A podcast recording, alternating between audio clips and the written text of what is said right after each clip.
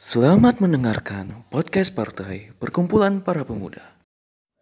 Ada banyak pertempuran hebat dalam berjuta-juta tahun sejarah manusia, di mana mereka saling bunuh dan saling membantai satu sama lain. Tergantung kamu mendefinisikan apa itu yang terhebat. Bagaimanapun, setiap manusia memiliki pertempuran terbesar mereka sendiri.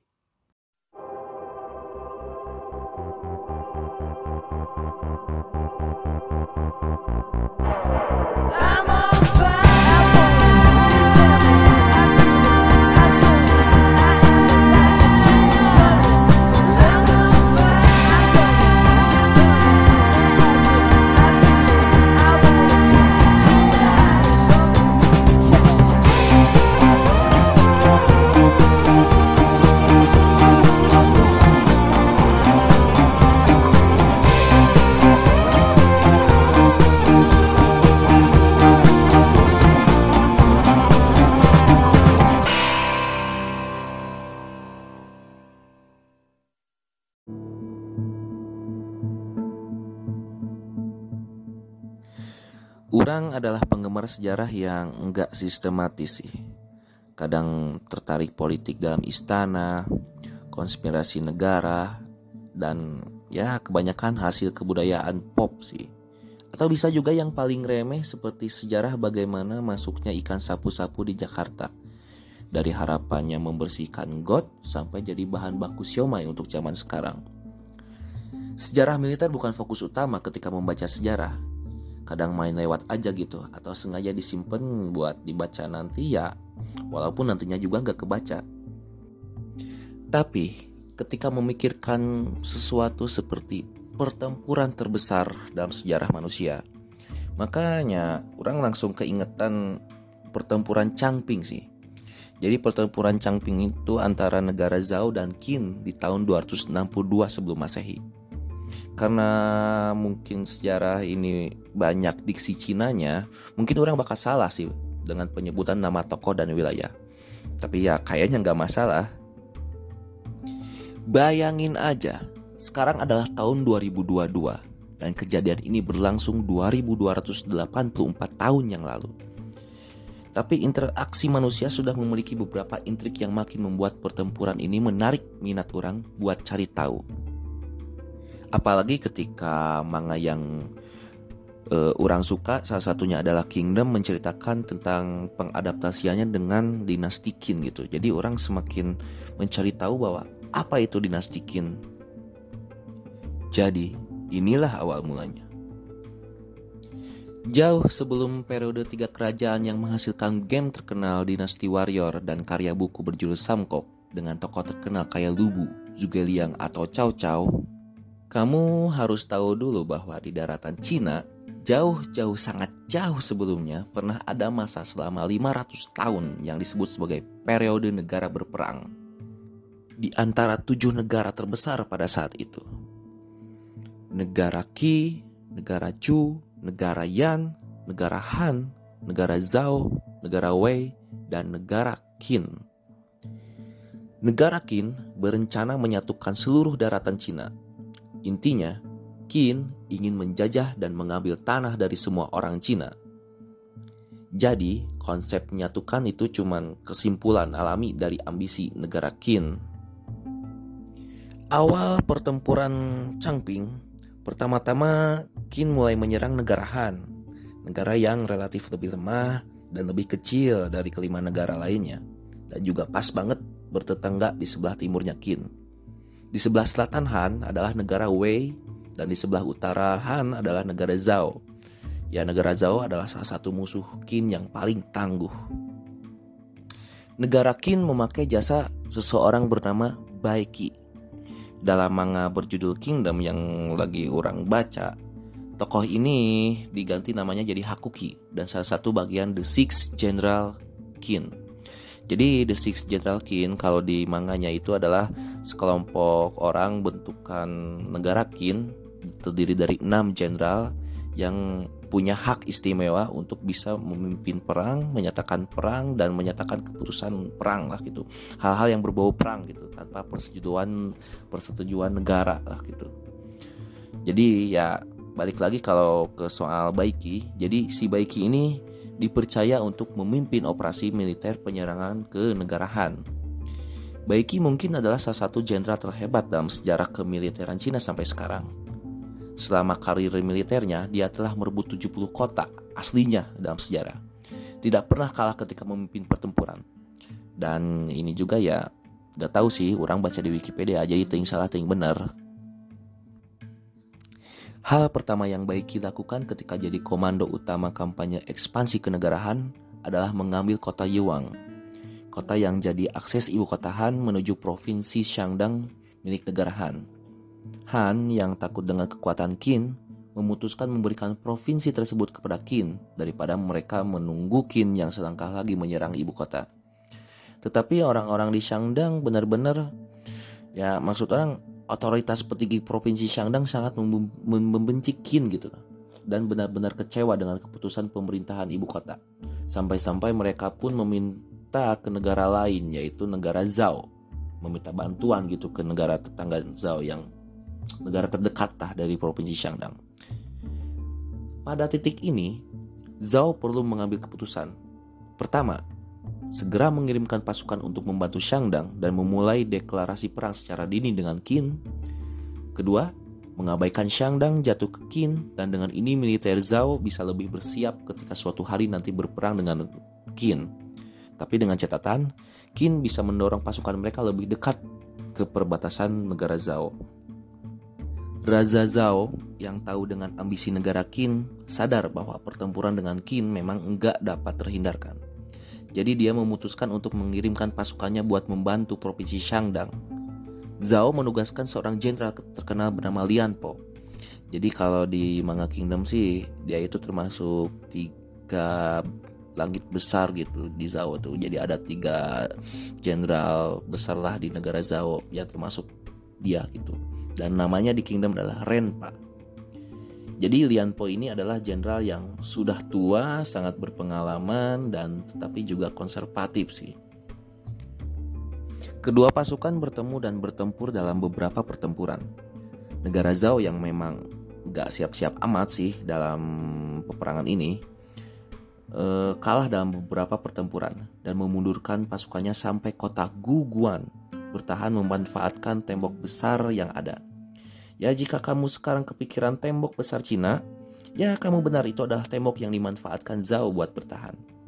Jadi emang tembok besar Cina itu emang udah dibangun 2200 tahun yang lalu. Lian Po bertahan di posisi ini selama 2 tahun 6 bulan semenjak Qin berusaha untuk menjebol tembok. Negara Qin sadar bahwa melakukan serangan langsung nggak akan memberikan keuntungan apa pun. Jadi mereka mulai melakukan strategi diplomatik gitu. Pertama, mereka mulai mengundang diplomat negara Zhao ke ibu kota Qin dan memberitahu mereka bahwa Qin tertarik melakukan perjanjian damai. Para diplomat Zhao diperlakukan dengan hormat dan dijamu sangat mewah dan berhasil memberikan kesan ke negara-negara lain bahwa Qin dan Zhao nggak begitu serius dengan masalah perang ini. Strategi kedua negara Qin adalah memanfaatkan intel mereka. Ya, intel udah ada jadi zaman itu mengirim mata-mata ke negara Zhao dan menyebarkan desas-desus tentang Lian Po. Jadi mereka itu menyebarkan desas-desus bahwa jenderal kepala operasi militer Zhao yang sekarang Lian Po udah tua dan takut dengan pertempuran sengit dan menambahkan narasi bahwa Qin itu sebenarnya lebih takut ke jenderal Zhao yang lain yang lebih muda dan cepat panas bernama Chao Kuo. Sas desus ini mulai terdengar ke telinga Raja Zhao dan mulai berpikir nggak seneng dengan strategi bertahannya Jenderal Lian Po. Pikirnya Lian telah kalah dan hanya mampu bertahan di balik dinding besar selama bertahun-tahun. Nggak menghiraukan saran dari para menteri dan Kasim, sang raja mengganti Lian Po dengan Chao Kuo, jenderal dengan pengalaman perang yang masih sedikit dan memberikan kendali pasukan beranggotakan 450 ribu orang oleh Raja Zhao. Cao mulai mencopot banyak komandan tingkat menengah, menata ulang penyebaran pasukan, dan merubah strategi menjadi menyerang. Dia memimpin 400 ribu orang keluar dari tembok dan berusaha menyerang negara Qin kembali. Tentara Qin menyiapkan jebakan untuk Cao Kuo dengan berpura-pura mundur, dan tak lama setelah memasukkan kemundurannya, pasukan Zhao maju dan masuk ke dalam jebakan. Cao Ko tidak tahu bahwa dia telah tertipu dan terus mendesak Qin lebih keras. Setelah Cao Ko berada 12 km lebih jauh dari unit pasukan logistiknya, Qin mengirim 2.500 tentara dan memotong jalur pasukan utama negara Zhao dari jalur logistiknya dengan menghancurkan 5.000 tentara unit logistik. Jadi, keadaannya seperti ini. 400.000 tentara pimpinan Chouko keluar dari tembok, menyisakan 5.000 tentara unit logistik di antara jalur mereka dengan tembok. Dan tembok sendiri punya 45.000 tentara. Setelah Qin menghancurkan unit logistik milik Zhao, mereka menambah 5.000 tentara lagi untuk membantu tentara tersisa tadi berjaga di luar tembok agar 45.000 tentara Zhao tidak keluar. Sementara tentara-tentara di dalam tembok tidak berani keluar, pasukan utama Zhao di luar tembok disibukkan oleh musuh yang datang menyerang dari segala arah dan tidak berhasil menghancurkan lingkaran jebakan pengepungan tentara Qin. Tentara Zhao akhirnya harus mempertahankan posisi mereka di sebuah lembah. Perlu diingat bahwa ketika Cao Ko pertama kali memimpin pasukannya, ia menyuruh para prajurit yang mengikutinya untuk membawa bekal secara masing-masing, karena ia tidak pernah berniat untuk melakukan pertempuran ini untuk waktu yang lama. Orang bayangkan seenggaknya seorang prajurit mungkin membawa jatah paling banyak untuk satu atau dua hari. Beberapa catatan mengatakan mereka tidak memiliki makanan selama 46 hari. Pasukan utama Zhao terus menerus diserang dari segala arah. Mereka tidak memiliki makanan selama itu. Pasukan logistik telah hancur di jalur antara pasukan utama dan pasukan dalam tembok. Dan pada akhirnya harapan akan ada bala bantuan yang datang pun sangat kecil. Posisi negara Qin juga tidak lebih baik. Mereka harus mempertahankan kekuatan sebesar itu di suatu tempat. Pada akhir 46 hari, Zhao telah kehilangan puluhan ribu orang dalam pertarungan, sementara orang yang tersisa terpaksa saling membunuh untuk makanan. Cao Ko melakukan upaya terakhir untuk menembus garis pengepungan, hanya berakhir sebagai mayat yang dipenuhi panas seperti landak. Tanpa komandan, tanpa persediaan, para prajurit mulai memakan satu sama lain, tanpa harapan untuk bala bantuan. Pasukan utama Zhao tidak memiliki pilihan selain menyerah. Sekarang, Jenderal Qin yang memimpin pasukan, Baiki, punya masalah baru. Apa yang akan dia lakukan dengan 200 ribu tentara musuh yang kelaparan? Ini adalah keputusan yang membuat Baiki menjadi salah satu tokoh sejarah yang paling mengerikan dalam sejarah Tiongkok, atau juga mungkin sejarah dunia. Dia tidak punya apa-apa untuk memberi makanan orang-orang ini dia tidak bisa mengembalikan mereka ke negara Zhao. Jika ia melakukannya, dia akan berakhir melawan orang-orang yang sama lagi nantinya. Dia membuat pilihan yang mengerikan dengan membunuh mereka semua. Bahkan di zaman itu, ada aturan-aturan bahwa negara-negara yang terlibat perang untuk tidak membunuh diplomat dan memperlakukan tahanan perang dengan hormat. Membunuh tentara yang telah menyerah dan tak berdaya dalam jumlah besar adalah kejahatan yang tercela tapi Baiki merasa bahwa dia benar-benar tidak punya banyak pilihan. Jika dia akan melakukannya, dia harus melakukannya dengan cepat sebelum orang-orang ini pulih. Jadi, diam-diam ia memerintahkan semua pasukannya untuk membunuh 200 ribu orang dalam satu malam. Orang hanya bisa membayangkan neraka macam apa pada malam itu. Baiki, yang memang sosiopat, menyisakan 240 tentara muda Zhao, mengembalikan mereka ke Zhao untuk menyampaikan kabar mengerikan itu. Ketika berita itu sampai di Zhao, setiap warga Zhao tiba-tiba memiliki seseorang yang telah meninggal di keluarganya. Orang tua, anak-anak, istri, semua orang berduka atas kematian orang yang mereka sayangi. Pertempuran ini menandai titik penentu dalam penaklukan Qin atas seluruh daratan Cina. Setelah Zhao benar-benar dikalahkan, tidak ada satu negara pun yang cukup kuat untuk menghadapi kekuatan Qin. Namun, Tindakan Baiki yang membunuh 200 ribu prajurit yang telah menyerah juga membuat orang menyadari bahwa tidak akan ada negosiasi dengan Qin. Pilihannya hanya bertarung atau mati. Ini membuat upaya perang Qin sebenarnya menjadi jauh lebih sulit. Butuh waktu 30 tahun lagi bagi Qin untuk mengambil Zhao sepenuhnya di tahun 228 sebelum Masehi dan 7 tahun lagi untuk menaklukkan negara-negara lain dan kemudian ia berhasil mendirikan dinasti Qin pada tahun 221 sebelum Masehi. Mengapa bagi orang kisah ini begitu menarik? Orang tahu kisah ini dari manga berjudul Kingdom, manga Jepang ciptaan Yasuhi Sahara yang mengadaptasi terbentuknya dinasti Qin. Selain itu, daya tariknya datang dari keterlibatan pertempuran yang keluar masuk medan perang. Banyak intrik politik, diplomasi, strategi, dan bahkan intelijen yang terlibat dan yang pada akhirnya berdampak pada hasil pertempuran. Orang suka sejarah dinasti Qin ini karena jelas gak ada sisi orang baiknya di sini. Qin adalah sebuah kekuatan yang terus meningkat. Dialah yang menjadi masa depan.